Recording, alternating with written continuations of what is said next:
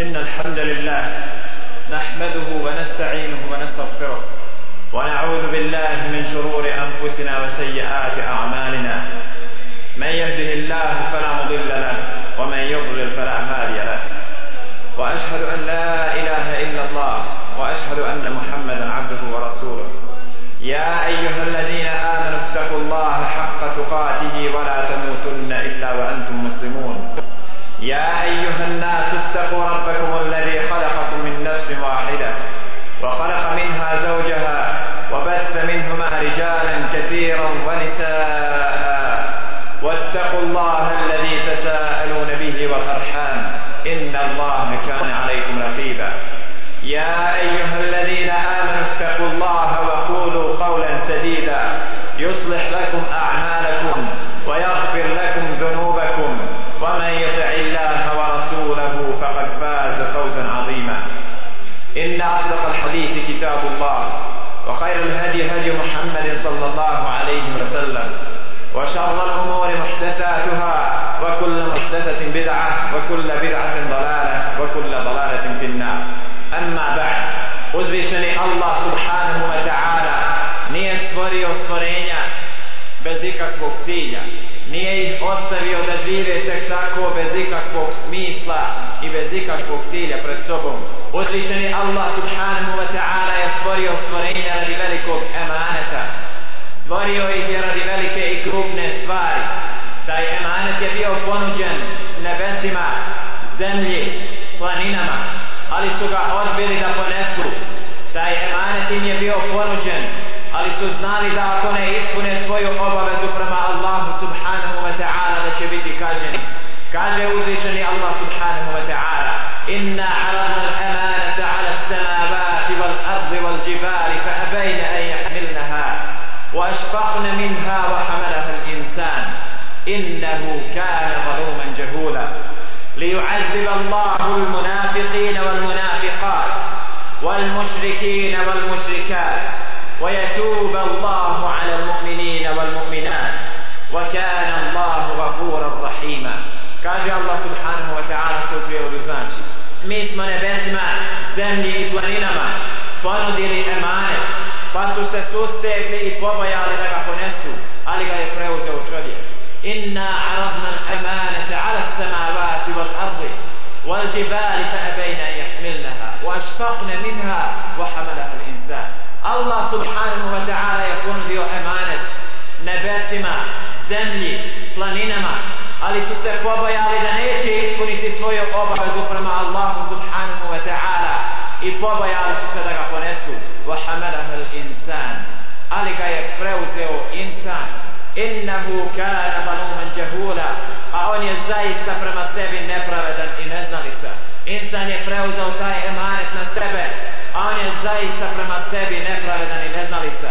Li yu'azzib Allahu al-munafiqina wal-munafiqat da bi Allah licemjere i licemjerke i mnogobožce i mnogoboškinje wal mušrikine wal mušrikat da bi Allah žele šanu kaznio. Allah subhanahu wa ta'ala je ponudio ovaj emane nebesima, zemlji i planinama. Odbili su da ga ponesu. Preuzeo ga je insan da bi Allah subhanahu wa ta'ala kaznio licemjere i licemjerke da bi kaznio mnogobožce i mnogoboškinje وَيَتُوبَ اللَّهُ عَلَى الْمُؤْمِنِينَ وَالْمُؤْمِنَاتِ i da bi oprostio mu'minima i mu'minkama Allah subhanahu wa ta'ala ovim emanetom hoće da kazni licemjere i licemjerke a licemjeri i licemjerke su sljedeće osobe to su oni koji su prihvatili islam i koji ispoljavaju islam strahujući od pripadnika islama prihvatili su islam samo da se muslimani ne bore protiv njih. Prihvatili su islama u svojim prstima kriju neprijateljstvo i nevjeru prema Allahu Đalešanu u njegovom poslaniku i mu'minima. Prihvatili su islam i ispoljavaju neke propise samo bojeći se da im neće biti nanešena šteta od drugih da im neće biti nanešena šteta od muslimana. Wal mušrikina wal mušrikat. Allah želi da kazni licemjer i licemjer i mnogobožci i mnogoboškinje a ko su mnogobožci i mnogoboškinje to su oni koji i javno i tajno čine ibadet nekom drugom mimo Allaha subhanahu wa ta'ala. To su oni koji padaju na seždu i traže pomoć od nekog drugog mimo Allaha želešanu razlika između licemjeri mnogobožaca i mnogoboškinja je samo u tome što mnogobožci javno i tajno ispoljavaju svoj kufr, a licemjeri tajno u svojim prstima kriju kufr i neprijateljstvo prema islamu dok javno se pokazuju kao muslimani. Sa bešašatul već sa nasmijanim licem pokazuju se pred drugima da su muslimani. A u osnovi svaka nesreća koja zadesi muslimane njegovo srce zaigra od dragosti zato što muslimani bivaju zostavljani gdje god bude prolivena muslimanska krv njegova duša se napuni i kaže neka je, neka je prolivena gdje god bude bilo koji musliman u svijetu zlostavljan kaže jesu oni su teroriste neka ih zlostavljaju tako. O mu'mini o Allahovi robovi znajte da nijedan mu'min u Allaha subhanahu wa ta'ala ne smije u svojim prstima osjetiti zadovoljstvo zbog zlostavljanja nevjernika muslimana. Ne smije nijedan mu'min u svojim prstima osjetiti zadovoljstvo i potvrditi neprijateljsko djelovanje protiv bilo kojeg muslimana u svijetu. Protiv najvećeg siromaha i naj je zasebna ličnost mu'min živi ponosno na ovom svijetu on je jedinstvena ličnost koja ne smije biti omalovažavana bez obzira o kome se radilo stoga cijenjena braćo znajmo da moramo voliti svakog mu'mina i prezirati svakog nevjernika kaže Allah subhanahu wa ta'ala ويتوب الله على المؤمنين والمؤمنات Allah je propisao emanet i dao emanet koji je preuzeo insan da bi kaznio licemjere i licemjerke i mnogobošci i mnogoboškinje i da bi oprostio mu'minima i mu'minkama. Allahu akbar. Allah subhanahu wa ta'ala je dao taj emanet da bi oprostio mu'minima i mu'minkama. Da bi spasio tegoba na ovom svijetu i da bi ih uveo u džennet. Čija su prostranstva kao prostranstva nebesa i zemlji. Ali šta je taj emanet? Taj emanet je izvršavanje svega onoga što je Allah subhanahu wa ta'ala naredio kada je insan preuzeo ovaj emanet. Obavezan je da ispuni ovaj šart. I dobro ga zapamti Allahov robe. Ako ga ispuniš bit ćeš spašen. Ako ga ne budeš ispunio bit ćeš zasigurno bačen u vatru. Bez imana, bez vrste vjere u Allaha nema spasa za čovjeka. Stoga mu'min mora da bude pokoran Allahu subhanahu wa ta'ala. Mora da se negira sva druga božanstva mimo Allaha i da bude pokoran samo jednog jedinom Allahu subhanahu wa ta'ala. Da voli mu'mini da bude samilosan prema mu'minima. Ašidda'u ala l-kuffari ruhama'u bejnahum kaže Allah subhanahu wa ta'ala opisujući mu'mine istinske i prave bogobojazne mu'mine. Oni su kaže žestoki prema nevjernicima samilosni prema muslimanima. Nažalost i licemjerke i oni koji su bolesnih srca osjećaju naklonost prema nevjernicima a ponižavaju mu'mine. Stoga mu'min mora da voli Allaha žele šanu njegovog poslanika sallallahu alaihi wa sallam i mu'mine. I da osjeća samilost prema njima a da bude žestok i okrutan prema nevjernicima. Sve to ne znači da treba činiti nepravdu drugima. Haša wa kella. Islam ne poziva na nepravdu. Islam je vjera u kojoj su svi detalji regulisani nije dozvoljeno nanositi nepravdu bilo kome pa čak i nevjernicima. A Allah subhanahu wa ta'ala prašta i milostivije kako li je samo čudno? Kako li je to začuđujuća situacija u kojoj insan apsolutno ne razmišlja o tom emanetu koji nosi na svojim leđima? Pa ga vidite kako trenutke svoga života troši u ono od čega nema apsolutno nikakve fajde pa ga vidite kako te trenutke svoga života troši u ono što mu samo može štetiti a nikako koristiti. Zapamti cijenjeni brate ovo odlazi u nebo ovo odlazi u nepovrat nema više ovog udištaja i izdištaja nema više one sekunde koja je bila kad si ušao u ovaj mesčit nema više one minute kad si se spremio kod kuće i došao u ovaj mesčit to je minuta koja je prošla i nema je više u tvom životu samo ti bliži momentu smrti i ništa drugo. Samo se bliži momentu smrti i ništa drugo cijenjeni brate. Stoga ne isplati se nikako trošiti svoj život u ono što je beskorisno. Ne isplati se trošiti život u ono što nam samo može štetiti a nikakvu korist doprinijeti. Nego mu'min mora biti oštrouman pametan koristiti svoje vrijeme u dragocjene stvari od kojih će imati korist u životu na ovom svijetu a naravno i na ahiretu uvjerit će se svaki nemarnik u svoju nerazumnost Ali nažalost, na dan tuge i kajanja, kada bogobojazni budu proživljeni pred milostivom, tada će zločinci koji nisu vjerovali u Allaha subhanahu wa ta'ala i nisu bili pokorni Allahu i njegovom poslaniku sallallahu alaihi wa sallam, oni će tada biti bačeni u džahnem i bit će kažnjavani džahnemskom vatrom. Bogobojazni će u džennetskim bašama boraviti, krevetima na divanima naslonjeni biti, a zločinci će u džahennemskoj vatri biti prženi zbog onoga što su radili i zbog svog nevjerstva u Allaha subhanahu wa ta'ala. Ima li oni koji žele pokajanje primiti?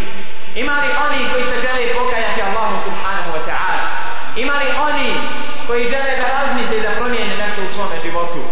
Ima li oni koji će se sažaliti na same sebe i na svoje stanje pa promijeniti nešto u svojem životu? Ima li oni koji žele da promijene nešto u svojim porodicama? Da njihove porodice budu od onih koji će biti spašeni? Zar si zaboravio na riječi svoga gospodara koji kaže Ja ijuha ladina amanu Ku anfusakum ahlikum nara Wa kuduha nasu wal hijar Alejha melaikatun, Gilafun šidadun La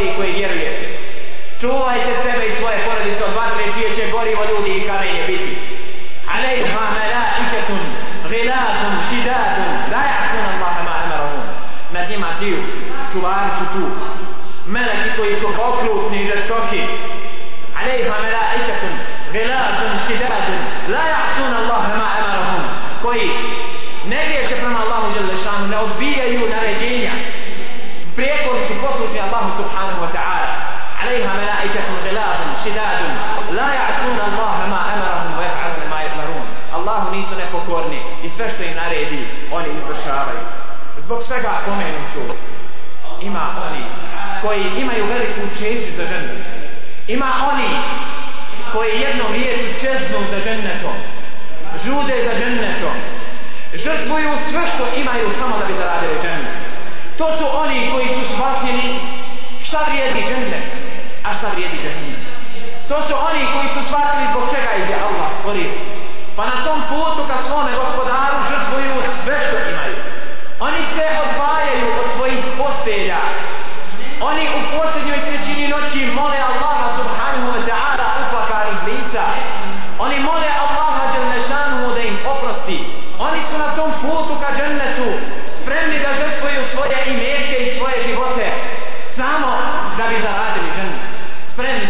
su jednom riječju sve što posjeduju samo da bi se spasili džahnemske vatre i da bi zaslužili džahnemsku nagradu. Lampajka Allah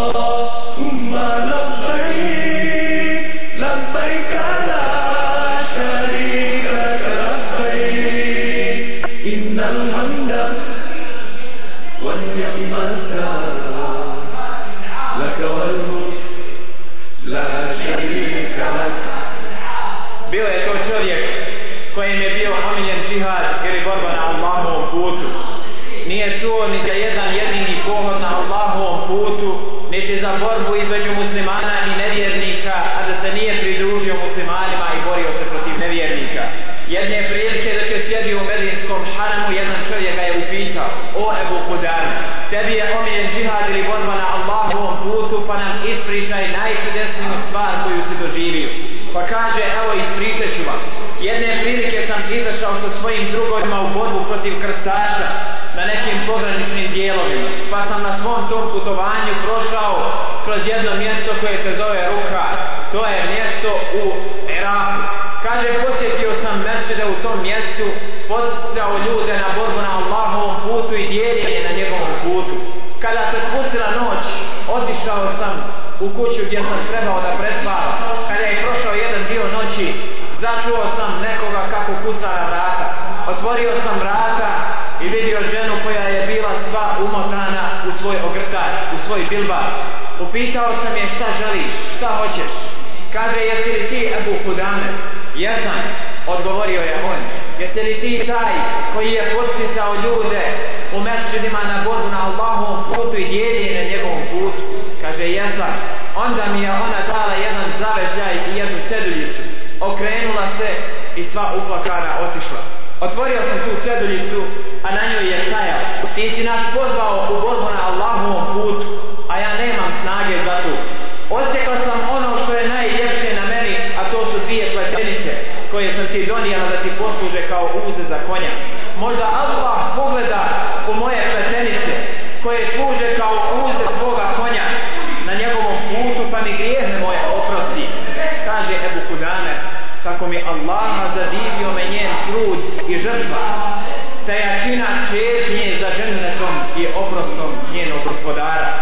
Ujutro sam sa svojim drugovima napustio to mjesto, kada smo stigli do tvrđave Mesneme ibn Abdel Melika, pojavio se konjanik koji je iz sveg glasa vikao O Ebu Kudame, o Ebu Kudame, okrenuo sam se, kaže, u pravcu tog glasa, govorio mi je, sačekaj me, Allah ti se smilovao.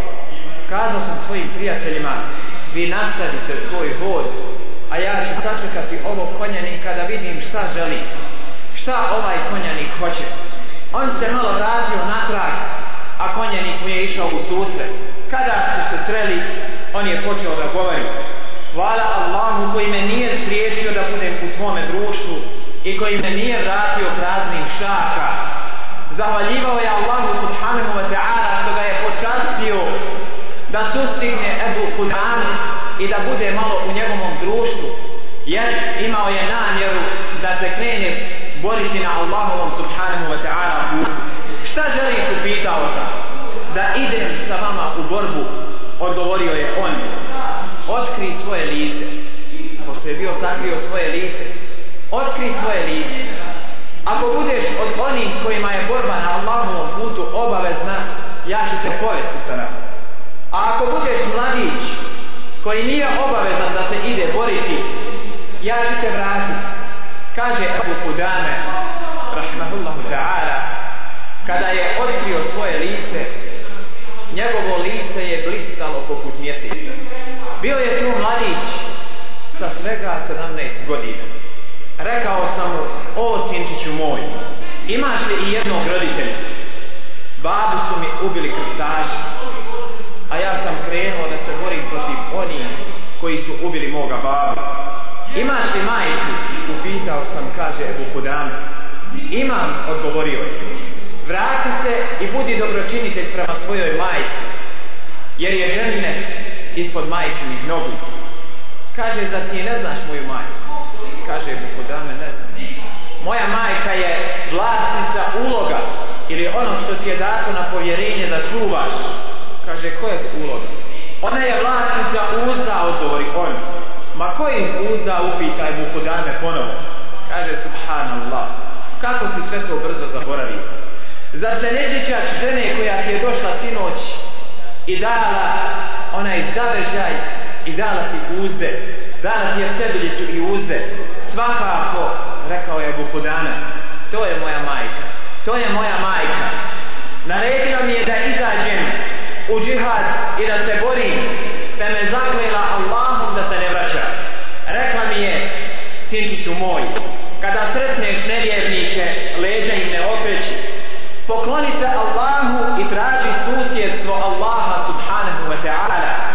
Traži zajedničko stanovanje u džennetu sa svojim babom i sa svojim dajđama, jer su oni bili već preselili na ahiret.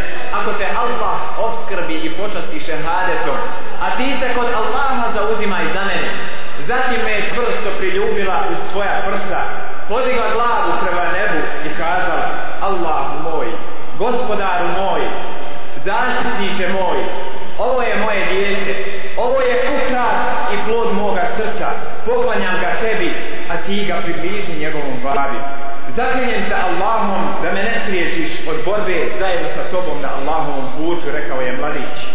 Ja ću inša Allahu ta'ala biti šehid, sin šehida, hafiz sam Allahove knjige. Dobro poznajem jahanje i gađanje i nemoj me pocijeniti zbog moje mladosti. Sa svega 17 godina bio je vješt jahač. Sa svega 17 godina bio je hafiz u Kur'an. Bio je hafiz kitabillah. Znao je Kur'an na pamet. Njegova je majka odgajala ga u skladu sa islamskim propisima. Njegovi roditelji su vodili računa o njegovom odgoju. Cijenjena braćo, gdje je naš odgoj naše djece?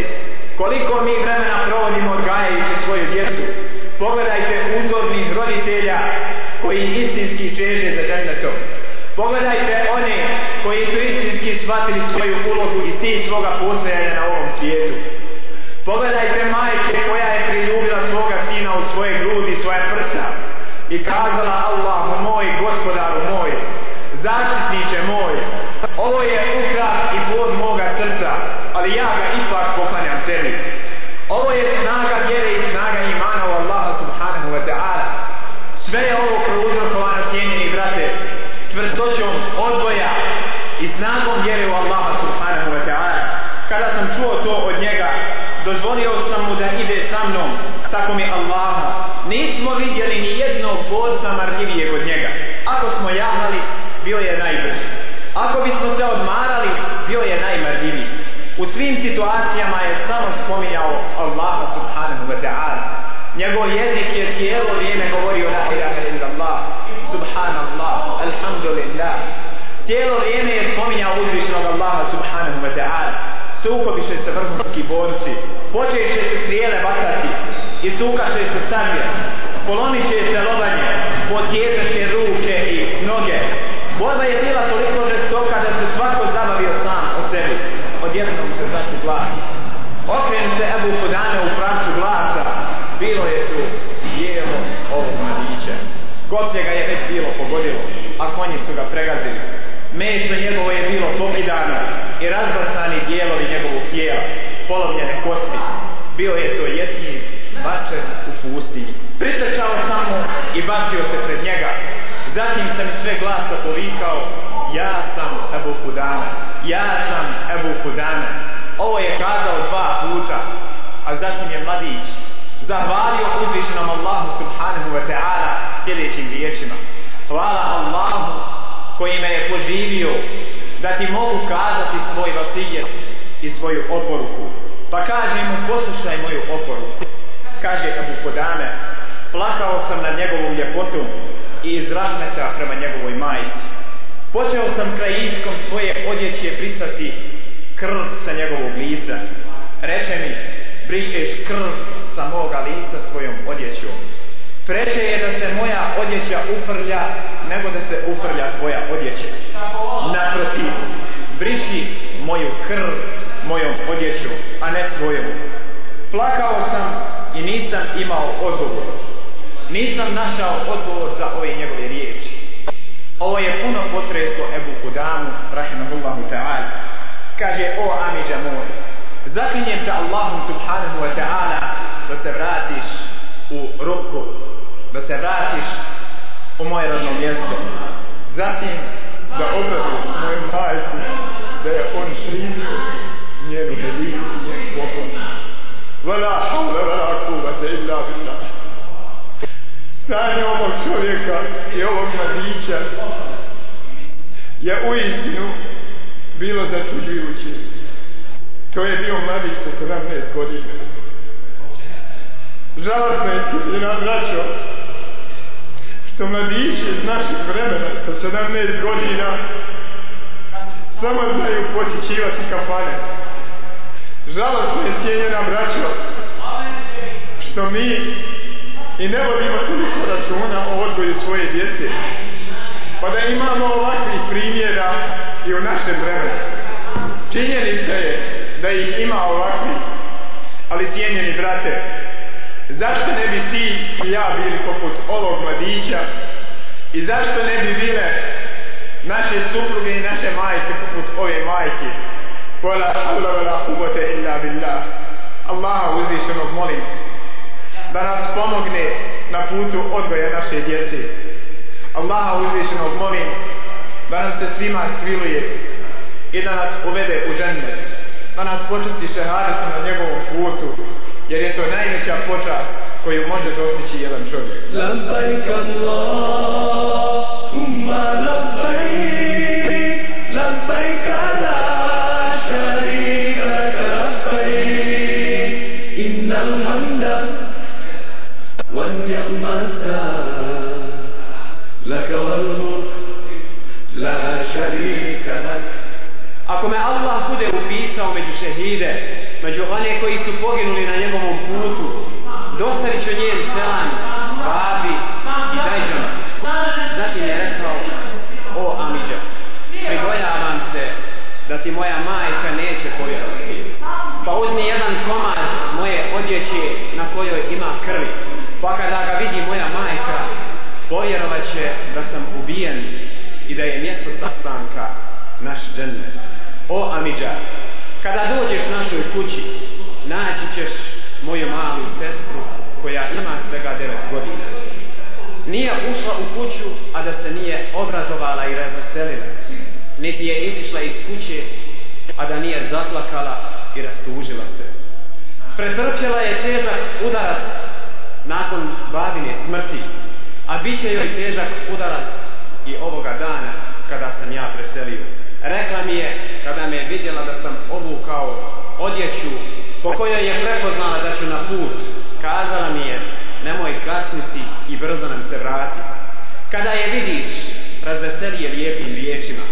O Amidža, obistinio se moj san, a ovaj mladić je sanjao lijep san, sanjao je sebe u džennetu, sanjao je turije, pa kaže, o Amidža, obistinio se moj san, tako mi gospodara kaže. Sada vidim Mardiju, a to je jedna od džennetskih hurija. Sada vidim Mardiju kod svoje glave i čujem njen miris. Zatim je zadrhtao i zahrotao dva puta. Napusti duša njegovo tijelo. Preselio je svome gospodaru. Ova žena je cijenjena braćo, žrtvovala sve što je imala iz svoje prevelike čežnje za džennetom. Njen sin je žrtvovao svoj život. Zanemario je svoju ličnost i zanemario je svoju mladost. Ovaj mladić nije pridavao veliku pažnju samoj svojoj ličnosti. Niti je pridavao veliku pažnju svojoj mladosti. Kao što to čini većina ljudi našega vremena i naše dobe. Pridaju preveliku pažnju samima sebi i svojoj mladosti. Pogledajte ovog mladića koji je zapostavio ili zanemario i svoju mladost i svoju ličnost, ali imao je veliki cilj pred sobom. Njegov cilj je bio džennet, njegov cilj je bilo Allahovo zadovoljstvo. A kako ovi ljudi i slični njima ne bi čezuli za džennetom? Kada Allahu poslanik sallallahu alaihi wa sallam opisujući čovjeka koji će imati najmanje blagodati u džennetu, govoreći o njemu, kaže Allahu poslanik sallallahu alaihi wa sallam, hadis je zabilježen u muslimovoj zbirci hadisa, u muslimovom sahih. Posljednji čovjek koji će ući u džennet je čovjek koji će na momente ići silatom, na momente će ići silat čuprijom, na momente će se spoticati, a na momente će ga vatra paliti, vatra će ga dostizati. Kada pređe silat, okrenut će se i reći, slavljen neka je onaj koji me spasio od tebe. Tada će svoje velike radosti kazati, dao mi je Allah ono što nije dao nikome od prvih i potonjih generacija. Samo što je uspio preći silat. Kazat će i pomislit će da je mu je Allah Đelešanu dao ono što nije dao više nikome. Zatim će mu se pokazati drvo ili stablo pa će reći gospodaru moj približi me ovom drvetu da se sklonim u njegov hlad i da se napijem njegove vode. Reći će Allah tabarake wa ta'ala o sine Adamu, ako ti to dam možda ćeš tražiti još nešto. On će reći, neću gospodaru moj. Obećat će Allahu subhanahu wa ta'ala da neće tražiti više ništa, a njegov gospodar će primiti njegovu ispriku. Primit će njegovo opravdanje, jer je ovaj čovjek vidio ono na čime se nije mogao strpiti. Primatjet će ga drvetu. Sklonit će se u njegov hlad i napiti njegove vode zatim će mu se pokazati drvo koje je ljepše od prvog, pa će reći, primakni me gospodaru moj ovom drvetu, da se napijem njegove vode i da se sklonim u njegov glad. Neću od tebe ništa drugo tražiti. O sine Adamu, zar mi nisi obećao da od mene nećeš više ništa tražiti? Reći ćemo Allah te barake wa ta'ala. Ako te približim njemu, možda ćeš tražiti još nešto obećat će Allahu subhanahu wa ta'ala da neće ništa više tražiti od njega, a njegov gospodar će primiti njegovo opravdanje jer će vidjeti ono nad čime se neće moći strpjeti, pa će ga približiti drvetu, sklonit će se u njegov glad i napiti njegove vode. Zatim će mu se pokazati stablo kod samih džennetskih vrata, a ona je ljepša od prva dva stabla. Reći će, gospodaru moj, približi me ovom stablu, da se sklonim u njegov hlad i da se napijem njegove vode. Neće od tebe tražiti ništa drugo. Reći će Allah tebareke wa ta'ala, o sine Adamu, zar mi nisi obećao da nećeš tražiti više ništa od mene? Svakako da jesam, gospodaru moj, reći će on, još samo ovo i neću od tebe tražiti više ništa. Gospodar njegov će primiti njegovo opravdanje, jer će vidjeti ono na čemu se neće moći strpjeti pa će ga približiti drvetu. Kada ga približi njemu, on će čuti glasove stanovnika dženneta. Reći će, gospodaru moj, uvedi me u njega. Biće mu rečeno, uđi u džennet. Kako, gospodaru moj, kad su ljudi već ušli u mjesto svoga boravka i uzeli su svoje nagrade, reći će on, Allah tabarak wa ta'ala će mu odgovoriti, o sine Ademu, šta ćete zadovoljiti od mene? To je šta će te zadovoljiti da ti to dan jesi li zadovoljen da imaš onoliko koliko ima jedan od dunjalučkih vladara? Reći će zadovoljan sam gospodaru moj koliko ima jedan dunjalučki vladar. Reći će zadovoljan sam gospodaru moj tebi pripada toliko i još toliko i još toliko i još toliko i još toliko. Pa će nakon što mu bude peti puta rečeno kazati zadovoljan sam gospodaru moj zadovoljit će se ovim. Kada će zadovoljen sam gospodar moj, kada će mu Allah tabareke wa ta'ala kazati pripada ti toliko i još deset puta toliko. Pripada ti sve što ti duša tvoja poželi i što je ugodno tvome oku. Zatim će mu uzvišeni Allah reći poželi što god hoćeš. Pa će poželjati, a Allah subhanahu wa ta'ala će ga podsjećati ono što bude zaboravio. Sve što bude zaboravio da poželi, Allah te bareke o ta'ala svoje dobrote i milosti prema njemu će ga podsjetiti. Poželi još to, poželi još to, poželi još to. Kada završi sa željama, ući će u svoju kuću, pa će onda ući njegove dvije hurije. Reći će te dvije njegove hurije. Hvala Allahu koji te proživio za nas i koji je proživio nas za tebe. Nikom nije dato kao meni, reći će on. Ovo je čovjek koji će imati najmanje blagodati u džennetu. Ovo je čovjek koji će primiti najmanju nagradu i koji će posljednji ući u džennetu. Ovo je čovjek koji će jedva preći sila pa će zahvaljivati Allahu jer se spoticao i vatra ga je doticao. Vatra ga je pržila i palila pa će mu Allah dati onoliko koliko smo čuli. U istinu, ja mislim da je svakom pojedincu jasno zašto je ova majka o kojoj smo već govorili i njen sin čije kazivanja smo spomenuli zašto su onoliko čeznuli za džennetom? Zato što su cijenjeni brate. Shvatili pravu vrijednost dženneta. Shvatili su pravu vrijednost dženneta. I nisu bili zadovoljni da taj džennet kupi ničim drugim do svojim dušama. Taj džennet je toliko skup i vrijedan da su žrtvovali ono što je najvrijednije kod njih a to su njihovi životi. Žrtvovali su svoje živote u zamjenu za taj džennet, čije blagodati, kako smo čuli, su u istinu velike. Allah subhanahu wa ta'ala će čovjeka koji će imati najmanju nagradu nagraditi sa oblikom nagradu. Pa šta mislite? Kako će nagradu primiti oni koji budu u Firdaus? Koliko će Allah subhanahu wa ta'ala dati za one koji budu u Firdausu? Lampajk Allah, kuma lampajk, la sharika lampajk, innal alhamdulillah. والنعمة لك والملك لا شريك لك لبيك اللهم لبيك لبيك لا شريك لك لبيك إن الحمد والنعمة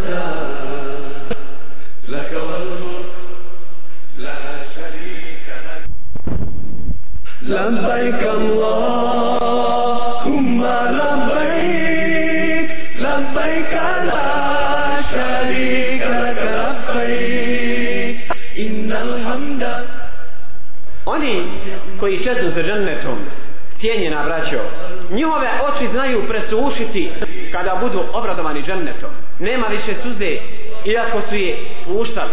Nema više brige, jer su postigli ono što su željeli. Harife ibn Suraha, radijallahu anhu, je mladić koji je bio od Ansarija. Izišao je sa Allahovim poslanikom sallallahu alaihi ve sellem u bitku na Bedru. Izašli su zajedno da presretnu karavanu koju je predvodio Sufjan ibn Harb. Allah subhanahu wa ta'ala je dao da se odigrala ta velika bitka na Bedru. Kada su se muslimani vraćali, izišla je majka od Harife ibn Surahi radijallahu anhu. Izišla je sa ostalim ženama i djecom, sa ostalim suprugama i majkama i sa ostalim unučadima. Izišla je sa onima koji su dočikali svoje najmilije u povratku sa bedra. Ovo je bila iznemogla starica koja je izgubila svoga sina. Majke su trčale u zagrljaj svojim sinovima, a supruge su trčale u zagrljaj svojim muževima. Djeca su trčala u zagrljaj svojim roditeljima. Bila je to radost za one čiji su se najmiliji vratili iz ove velike bitke. Ali ova starica, ova majka je u istinu bila pošteđena te radosti. Svako je zagrlio i poljubio onoga ko se vratio iz ove bitke. Ali ova majka je ostajala sama i nije prepoznavala svoga sina. Jer ga u istinu nije bilo među onima koji su se vratili. Zatim je prišla Rasulullah sallallahu alaihi wa sallam. Kada je vidio Allahu poslanik sallallahu alaihi wa sallam tako iznurenu, vidio je kako je ona pogođena, vidio je koliko je suze puste prolila, kazao joj je nije samo jedan džennet nego su to dženneti i stepeni u džennetu.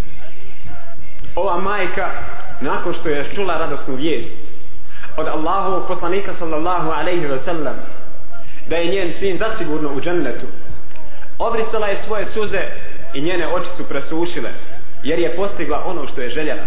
Izgubila je svoju najmiliju osobu izgubila je svog sina izgubila je plod svoga srca ali u istinu sva njena tuga i sva njena žalost je otišla onoga momenta kada je čula od Rasulullaha sallallahu alaihi ve sellem da je on od stanovnika dženneta. Cijenjena braćo znali su vrijednost dženneta zato su se žrtvovali za ono što je u istinu vrijedno. I žrtvovali su ono što su najvrijednije posjedovali majka njegova se vratila svojoj kući očekivala je samo da dođe onaj ko prekida užitke ovoga svijeta. Očekivala je samo da dođe melek smrti, da uzme i njenu dušu, da je sastavi sa njenim sinom u džennetu firdeusu, da ih sastavi u džennetu. U istinu, ovo je bila majka, ovo je bio roditelj, koji je odgojio svoje dijete zajedno sa Allahovom knjigom.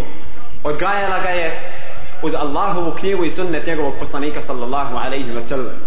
Cijenjeni brate, čežnje za džennetom može osjetiti onaj ko je shvatio njegovu pravu vrijednost. A da bi se shvatila njegova prava vrijednost, moramo se što više družiti uz Allahovu knjigu i sunnet njegovog poslanika sallallahu alaihi wa sallam. لبيك اللهم لبيك لبيك لا شريك لك لبيك Kako se ne bi tako i borili za džennet? Kada će oni u džennetu gospodara svoga uživati. Ala sururim maudune. Na divanima izvezenim. Biće ti divani izvezeni zlatom i biserijem. Mutekiina alejha mutekabilin. Jedni prema drugima na njima će naslonjeni biti. I neće stanovnici dženneta jedni drugima leđa okretati. Jatufu alejhim vildanum muhalladun. Služit će ih vječno mladi mladići. To jest bit će u određenoj mladoj dobi i neće stariti, niti će doživjeti ikakvih promjena. Bi akvabim wa abariqa wa ka'sim min ma'in. Sa čašama i ibricima i peharom punim pića iz izvora, teku, iz izvora tekućeg. Ti pehari i čaše će biti punjeni džennetskim vinom koje ne opija niti razum uzima niti pravi glavobolju od svojstava alkohola na ovom svijetu jeste da oduzima pamet da pravi glavobolju da čovjek mora da ide da mokri. Ovo su štetnosti alkohola na ovom svijetu. Allah Đelešanu će sve te štetnosti u džennetu eliminirati. Tako da džennetsko vino neće opijati i neće razum uzimati. Niti će osjećati bolove u glavi niti će imati potrebu za nuždu. La yasadda'una anha wa la yunzifun od koga iz glava neće boljati i zbog koga neće pamet izgubiti. Wa مِمَّا mimma yatakhayyarun i voćem koje će sami birati. Wa طَيْرٍ tayrin mimma yashtahun. I mesom ptičim kakvo budu željeli. Navodi imame Ahmed od Anasa radijallahu anhu koji kaže da je Allahu poslanik sallallahu alaihi ve sellem rekao džennetska ptica će biti poput ogromne deve a uzgajat će se na džennetskom drveću. Ebu Bekr upita o Allahu poslanić ove ptice su nježne. Na što će Allahu poslanik sallallahu alaihi ve sellem, onaj koji jede nježnije od njih. Stanovnici džennet onaj koji jede kaže nježnije od njih. I ponovi to tri puta. A ja želim da budeš od onih koji će ih jesti a prenosi Hasan ibn Urfe od Abdullah ibn Mas'uda koji kaže da je Allahu poslanik sallallahu alaihi wa sallam rekao kada bi pogledao u pticu u džennetu i zaželio da je jedeš došla bi ti ona već pečena. Ovo su, ovo su nagrade za stanovnike dženneta. Samo pogleda pticu i poželi da je jede. Allah subhanahu wa ta'ala će dati da ta ptica već pečena dođe pred njega. وحور عين كأمثال اللؤلؤ المكنون u njima će biti i hurije očiju krupni slične biseru u školjkama skriveno to jest kao da su one biser koji se presijava u svome sjaju i bjelini jazaan bima kanu ya'malun kao nagrada za ono što su činili la yasma'una fiha lagwan wala ta'thima u njima neće slušati prazne besjede ni govor griješni. Neće biti prazne priče u džennetu. Niti će biti onoga što će uznemiravati ljude poput ogovaranja nemimeta i slično tome. Illa qilan salaman salama. Nego će u njemu samo čuti riječi mir, mir wala hawla wala quwwata illa billah. Ovo je samo jedan dio onoga što je pripremljeno za stanovnike dženneta. Samo jedan dio onoga što je pripremljen za stanovnike dženneta. Pogledajte blagodati našega gospodara koje je on pripremio za svoje bogobojazne robove. Kada ovo čujemo ne trebamo se nimalo začuditi zašto su oni koji su žrtvovali svoje živote i imetke za džennet zašto su to uradili. Niko se neće zapitati kako može jedan musliman svjesno da gurne svoju ruku u smrt kako može ashab radijallahu anhu da upita Allahu poslanika sallallahu alaihi ve sellem šta će razveseliti tvoga gospodara? Kaže da čovjek bez oklopa uđe među neprijatelja i da se bori sve dok ne pogini on baca svoj oklop i bez oklopa ulazi među neprijatelja u bitci na bedru i bori se sve dok nije poginuo ne treba se čuditi zašto je ovo uradio. Uradio je zbog toga što je znao šta je Allah pripremio za stanovnike dženneta. Znao je kakva nagrada je pripremljena za stanovnike dženneta, pa je ovo žrtvovao. I ova majka koja je žrtvovala svoga sina, znala je zašto je to uradila. I ona apsolutno ne razmišlja o dunjaluku i dunjalučkim ukrasima. Zato što smo svi svjesni. I oni su bili svjesni, a i mi smo svjesni toga da će nam smrt doći i da ćemo otići pred vašeg gospodara. Cijenjeni brate, još ti Allah subhanahu wa ta'ala pruža priliku. Pružio ti priliku i ovim što slušaš ove riječi i što bivaš posjećen ovim riječima. Ovo je još jedna velika prilika da čovjek preokrene nešto u svome životu i da ide naprijed da teži ka džennetu, da radi za džennet, ne bi li mu se Allah subhanahu wa ta'ala smilovao. A pogledajte, da se džennetska nagrada ne može apsolutno porediti sa svim dunjalučkim ukrasima i sa svim onim što čovjek posjeduje u životu na ovom svijetu. Cijenjeni brate,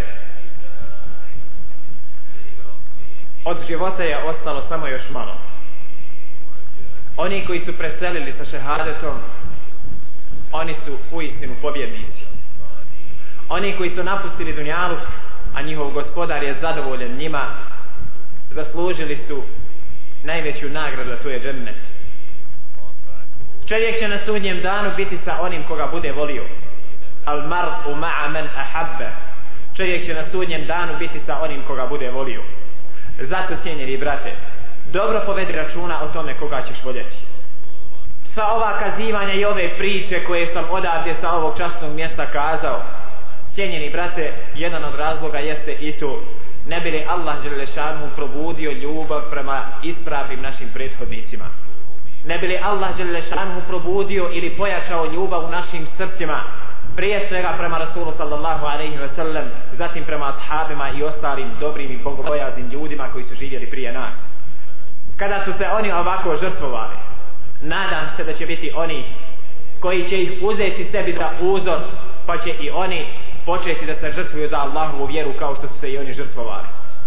Kao što onaj ko slijedi Evropu do ustopu kada vidi na televiziji onoga koji je njemu uzor, počinje da radi isto ono što radi i on. Pa vidite tako nekog igrača ili pjevača kako se ošišao, sutra vidite kako ih njihovi sljedbenici do ustopu slijedi. Ošišaju se, ofarbaju se, dotjeraju se isto kao što su i oni to uradili. Cijenjeni brate, mi imamo pred sobom divne uzore. Imamo divnog uzora, to je Rasul sallallahu alaihi wa sallam. Zatim imamo najbolju generaciju koja nam je pokazala kako se treba žrtvovati za Allahovu vjeru. Pokazali su nam kako treba voljeti Rasulullah sallallahu alaihi wa sallam. Kako ga treba štititi i kako se treba boriti za Allahovu vjeru. Nadam se da ono što smo spomenuli će naći mjesta u našim srcima i da će pokrenuti uspavana srca i srca koja čeznu za dunjalukom i za njegovim ukrasima. Činjenica je da čovjek treba raditi da bi imao da živi čestito i pošteno u životu na ovom svijetu. Ali to ne znači da treba dati dunjaluku prednost u odnosu na ahiretu. To ne znači da dunjaluk treba postati glavna stvar u svome životu. Treba raditi da imaš. Treba raditi da živiš čestito i pošteno. Da ne pogledaš od ljudi. Treba raditi da i tvoja porodica ima šta jesti no međutim sve to ne znači da treba dunjaluk postati cilj. Nemoj zaboraviti dunjaluk je sredstvo za postizanje ahireta ovu rečenicu nikad nemoj zaboraviti dunjaluk je sredstvo za postizanje ahireta niko od ljudi nije sjeo na autobuskoj stanici u Tešnju i otišao u Zenicu ili Sarajevo zbog toga da se vozi u autobusu. Da kaže, meni je cilj autobus da se vozim do Zenice i da se vratim, da se provozam. Nisam još čuo da je se takva budala pojavila. Da je sjeo na jednoj autobuskoj stanici i otišao u drugi grad da se provoza. Što je otišao? Imao je neki posao u Zenici ili Sarajevu pa je sjeo u Tešnju i otišao u Zenicu ili Sarajevu da obavi posao. Imao je cilj pred sobom. Sredstvo kojim je otišao da ostvari taj cilj nije mu cilj. Dunjaluk je ovaj autobus ovaj Dunjaluk je sredstvo da dođeš do ahireta a nije cilj cijenjeni brate. Na ovom materijalnom i vidljivom primjeru nadam se da je u potpunosti jasno svakom pojedincu šta mu treba biti cilj a šta mu treba biti sredstvo. Ono što zaradiš i metka treba da ti je sredstvo da budeš jači u pokornosti Allahu subhanahu wa ta'ala. Onaj imetak koji zaradiš treba da ti olakša probovanje uzvišnom Allahu subhanahu wa ta'ala. A ne da ti to postane cilj koji će te odvraćati od Allaha subhanahu wa ta'ala i ženneta. Nijukom slučaju cijenjeni brate dobro razluči. Još imaš priliku da popraviš mnogo toga u svome životu jer je još duša jer je još duša u tvome tijelu. Još nije propalo ništa. Iskrena tauba i popravak su dovoljni da ti Allah Đelešanuhu oprosti tvoje prijašnje greške ali cijenjeni brate potrebna je odlučnost i žrtva za Allahu subhanahu wa ta'ala vjeru لبيك اللهم لبيك لبيك لا شريك لك koju god لبيك stranicu iz života Selef rahimahumullahu ta'ala otvorili prepoznaćemo, prepoznaćemo njihovu čežnju za džennetom. Prepoznaćemo njihovu želju da zarade džennet čija su prostranstva kao prostranstva nebesa i zemlje. Njihove duše su se vezale za džennet. Stoga su žrtvovali sve što su posjedovali ne bili nekako zaslužili džennet. Nisu se zadovoljili sa žrtvovanjem svojih imetaka niti su se zadovoljili sa žrtvovanjem onoga što su posjedovali od materije. Nisu se zadovoljili čak ni time da obavljaju samo noćni namaz zajedno sa onim propisanim namazima. Nisu se zadovoljili ni time da po danu poste a po noći klanjaju. Da svakodnevno uče Kur'an da rade dobra djela da ostavljaju haram. Nego su žrtvovali i ono što je najvrijednije kod samih njih. A to je ono čime oni postoje na ovom svijetu to su njihove duše. To je ono po čemu se oni prepoznaju da su živi da se nalaze još na zemlji. Oni su žrtvovali ono što je najvrijednije i najskupocijenije kod njih. Samo ne bili zaradili džennet na dan bitke na Bedru.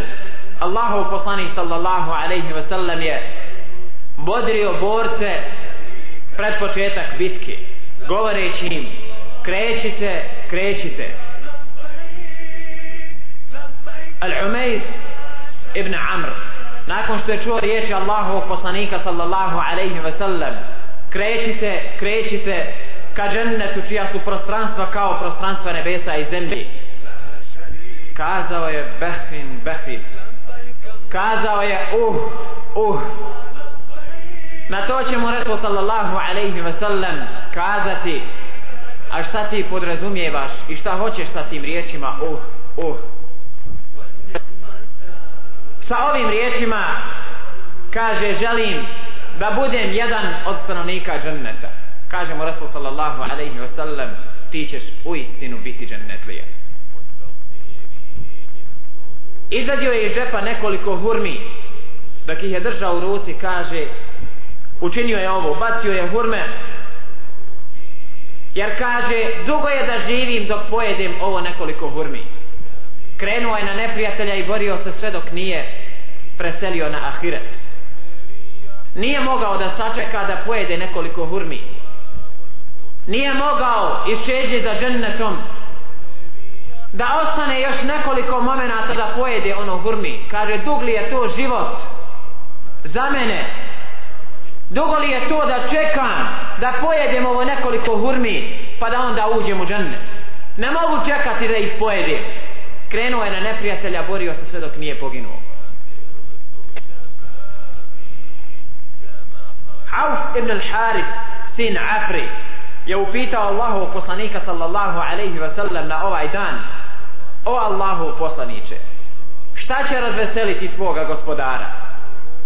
Kaže mu Rasul sallallahu alaihi ve sellem da čovjek bez oklopa gurne svoju ruku na neprijatelja i da se bori sve dok ne pogine. On je bacio svoj oklop krenuo na neprijatelja bez oklopa i borio se sve dok nije preselio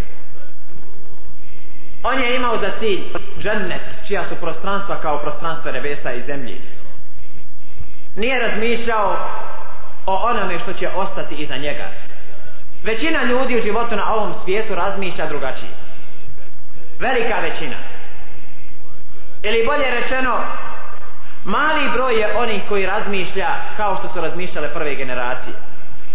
Uvijek ljudi razmišljaju i čućete ih kako to govori. Ostaće iza mene žena i djeca, žao mi je žene i djece, nije mi žao mene. Nije istina. Žao ti je tebe. Žao ti je tebe i tvoje duše.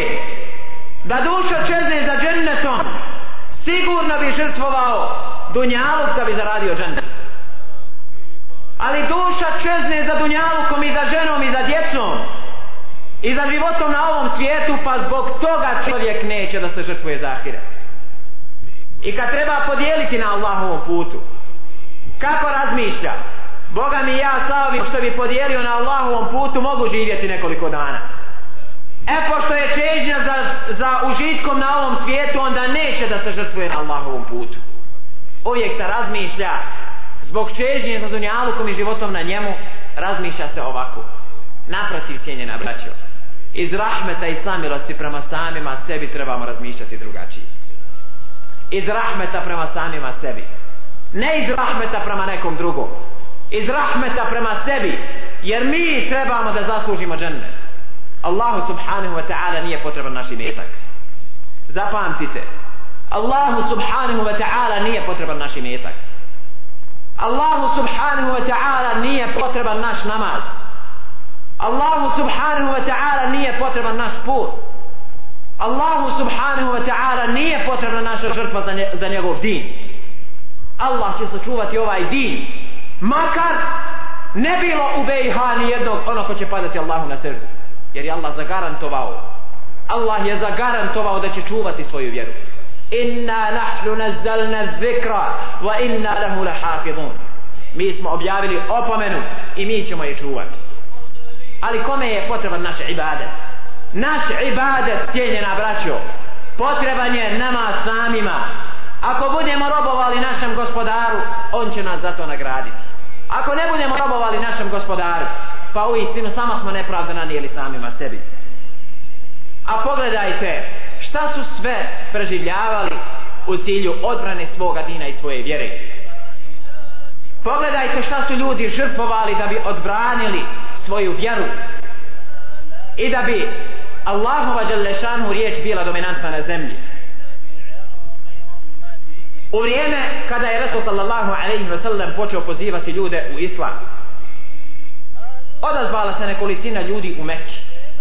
Među njima je bio i Habbab ibn al-Arat radijallahu anhu. On je bio radnik i sluga kod žene koja se zove Ummu Enmar. Nekoliko mladića je otišlo ovoj ženi da je obavijesti o tome da je Habab ibn al-Arat radijallahu anhu prihvatio islam. Ona im nije povjerovala, mada je i sama vidjela Allahovog poslanika sallallahu alaihi wa sallam kako dolazi kod Hababa. Jednostavno nije mogla povjerovati da čovjek poput njega može ostaviti njenu vjeru i suprostaviti se njenoj volji. Požurila je do Hababove kuće i našla ga kako sjedi ispred ognjišta. Uzela je komad vrućeg željeza i prislonila ga na Hababovo tijelo. Kako si se usudio promijeniti vjeru? Zar u vjeru toga luđaka i pjesnika pjesnila je Umma Elmar? Ne, on nije luđak. On je Allahov poslanik. Upućivač plemeniti. On je naš poslanik. Govorio je Habbab opirući se. Udarala ga je vrućim željezom i lancima po glavi i leđima dok nije počela teći krv iz njegovog tijela. Ostavila ga je u takvom stanju nadajući se da će ga ova kazna vratiti staroj vjeri na kojoj je on bio. Međutim, Habab ibn al-Arat radijallahu anhu, onaj u čije srce je ušao iman i čistoća vjerovanja u Allaha subhanahu wa ta'ala. Pogledaj cijenjeni brate, šta je čovjek čvrste vjere spreman da podnese za Allahu riječ. Pogledaj šta je spreman da žrtvuje onaj ko želi džennet. Habbab ibn al-Arat je bio čovjek kome su ova iskušenja samo povećavala iman i čvrstoću. Bio je odlučan da slijedi put istine i pravde, bez obzira na kakva sve mučenja i patnje nailazio. Nije se zadovoljio samo istrajnošću u svojoj vjeri, nego je odbijao udovoljiti svaku potražnju Kurejšija, koji su ostali nevjernici, ukazujući tako kako, kakav je put izabrao. cijenjena braćo mu'min ne smije dozvoliti da ga bilo kakvo iskušenje na dunjaluku dovede u situaciju da posustaje u vjeri mu'min sebi ne smije dozvoliti ovakav luksus jer ima pred sobom cilj a cilj je robovanje Allahu subhanahu wa ta'ala i uzitanje njegove riječi na zemlji ma kakva iskušenja ga snašla on čvrsto i nepokolebljivo je postojan i čvrst na principima Allahove vjere. Ne smije dozvoliti da ga dunjaluk i njegovi ukrasi i njegova potražnja ili pritisci ili kažnjavanje ili progonje ili mučenje odvedu od vjere u Allaha subhanahu wa ta'ala. Nisu odveli hababa. Ovakva mučenja ga nisu odvratila od vjere u Allaha subhanahu wa ta'ala. Zar nešto što je sitnije od ovoga može čovjeka odvratiti od dina Omu Enmar je bila specijalista za kažnjavanje Hababa ibn al-Arasta radijallahu anhu. Grijala je željezne lance koji su se nalazili u Hababovoj radionici i njima vezivala njegove ruke i noge. Zatim bi grijala i njime pržila njegovo tijelo. On je bio strpljiv i čvrst. Samo bi tiho uzdisao izgovarajući Allah je najveći, Allah je najveći. Hvala pripada Allah. Mučenje je ovo. Ovo nije sitnica. Cijenjena braćo, zamislite usijano željezo i lance. I sa time njegove ruke i noge vezane.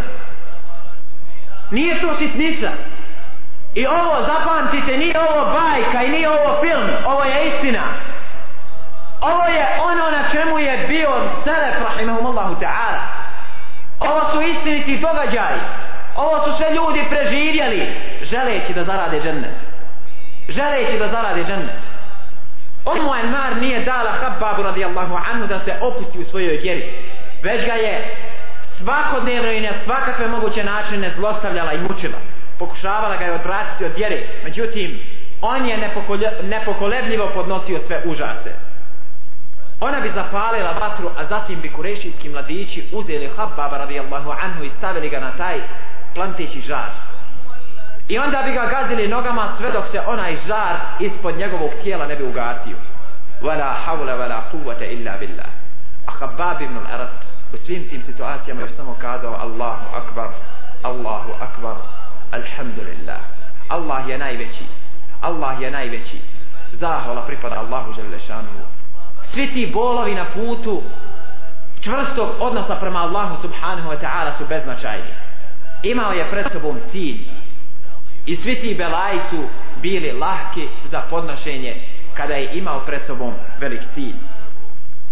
Allahu poslanik sallallahu alaihi wasallam je jedne prilike prolazio dok je Habbab radijallahu anhu ležao na plantećem žaru svezanih ruku i nogu gledao ga je Resul sallallahu alaihi wasallam slomljenog srca iz rahmeta prema njemu nije mu mogao pomoći jer tada nije bilo dovoljno muslimana da su se mogli oduprijeti zlostavljanju Kurešija i mekanskih mušrika.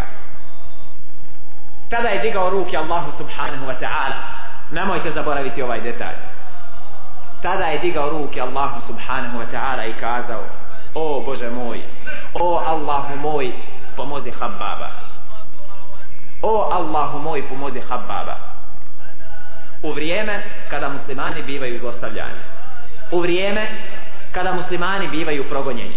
U vrijeme kada na sve moguće načine se muslimani odvraćaju od Allahovog od Allahove vjere Allahovog dina. U vrijeme kada su na toj strani neprijatelja mnogi munafici između muslimana. U to vrijeme i u današnje vrijeme ovdje kod nas i u čitavom islamskom svijetu oni koji rade na odvraćanju ljudi od pravo, od pravog puta neka ne zaboravi ove riječi. I prenesite im. I kažite im da između roba i njegovog rabba nema zastora i nemojte zaboraviti ono što se desilo sa Ummu Enmar koja je kažnjavala samo jednog Allahovog roba na zemlji a to je bio Habbab radijallahu anhu došla je kazna Ummu Enmar samo za pet dana nakon dove Rasula sallallahu alaihi wa sallam kako? kada je Rasul sallallahu alaihi wa sallam digao ruke i kazao o Allahu moj pomozi Hababa. Ni pet dana nije prošlo, a Ummu Enmar se razbolila. Počela je da osjeća glavobolju i toliko je vrištala, nije više znala šta da uradi i kako da bol tu, tu eliminiši.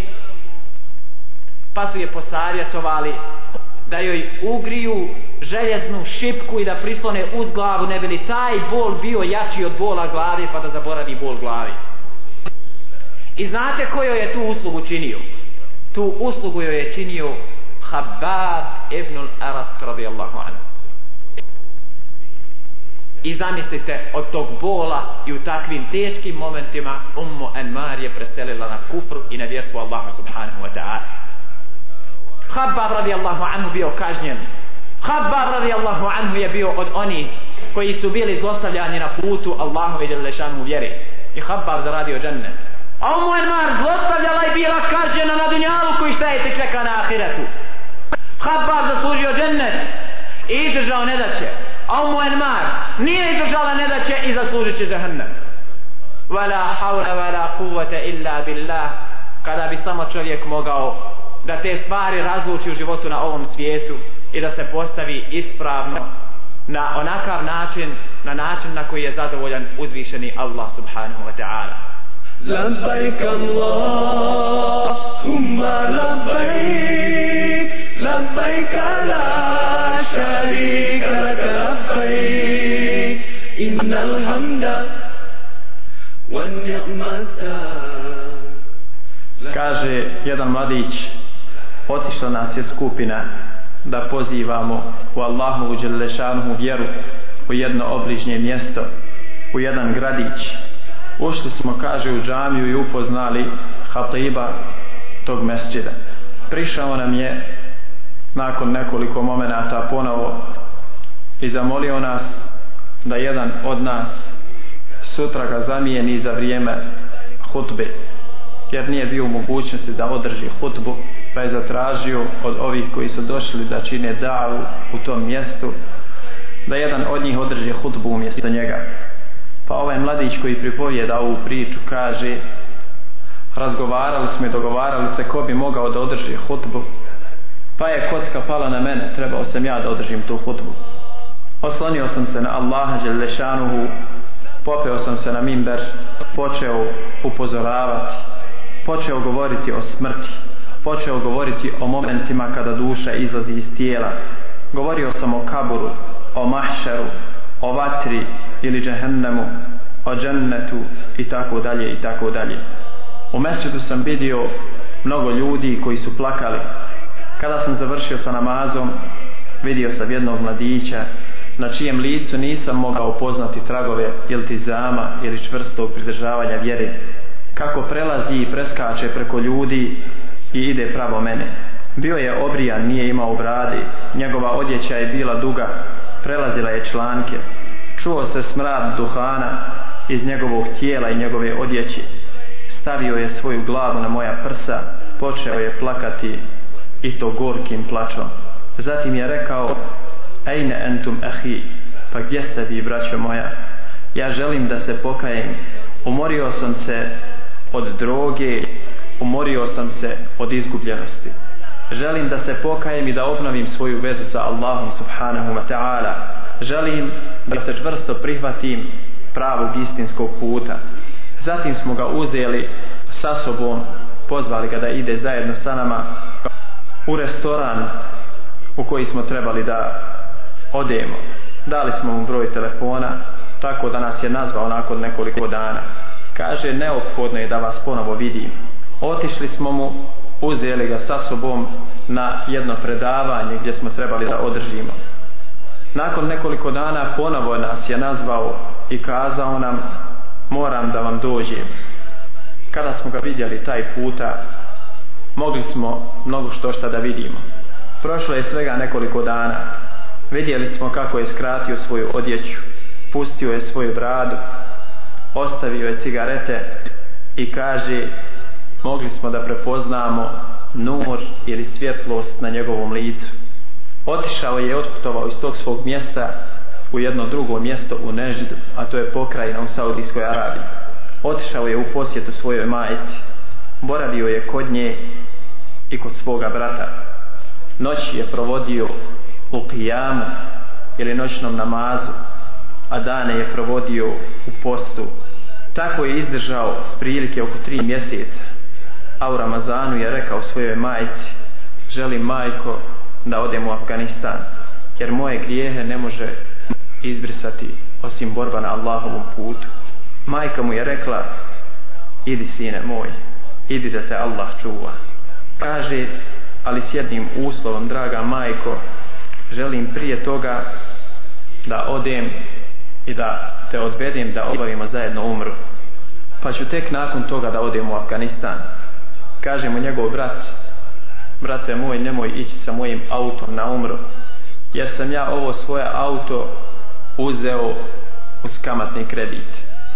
Kaže, neću otići sa ovim autom na umru, ali ću otići s ovim autom u Rijad, njega prodati i kupit ću ti auto u kojem će biti više hajer od ovog auta. A zatim ću otići na umru sa svojom i tvojom majkom, pa kad to završim, tek ću onda otići u Afganistan. Ali Allah subhanahu wa ta'ala je odredio nešto drugo. Na putu za Rijad on se prevrnuo sa svojim vozilom i to je bio kraj njegovog života na ovom svijetu. Umro je, a bio je postač. Umro je, a nosio je Kur'an. Umro je, a putovo je za Afganistan. Umro je, bio je posluša svojoj majci. Umro je na putu da obavi umru. Cijenjena braćo, završio svoj život na najbolji način. Gdje smo mi, gdje je naša teuba? Gdje smo mi sa svojim dobrim dijelima? Jesu li naša srca toliko kruta?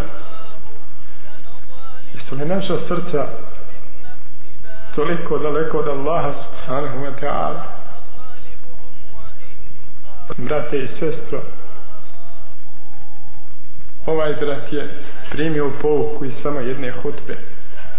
Allah mu se smilovao i dao mu lijep završetak. Otvorimo naše srce ka Allahovoj vjeri. Možda se Allah smiluje i tebi i meni.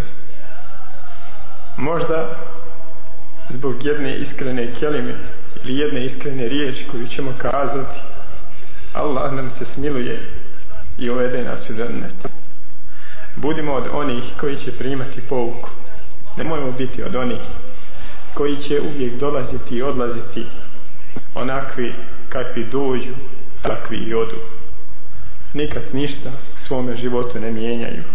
لبيك اللهم لبيك لبيك لا شريك لك.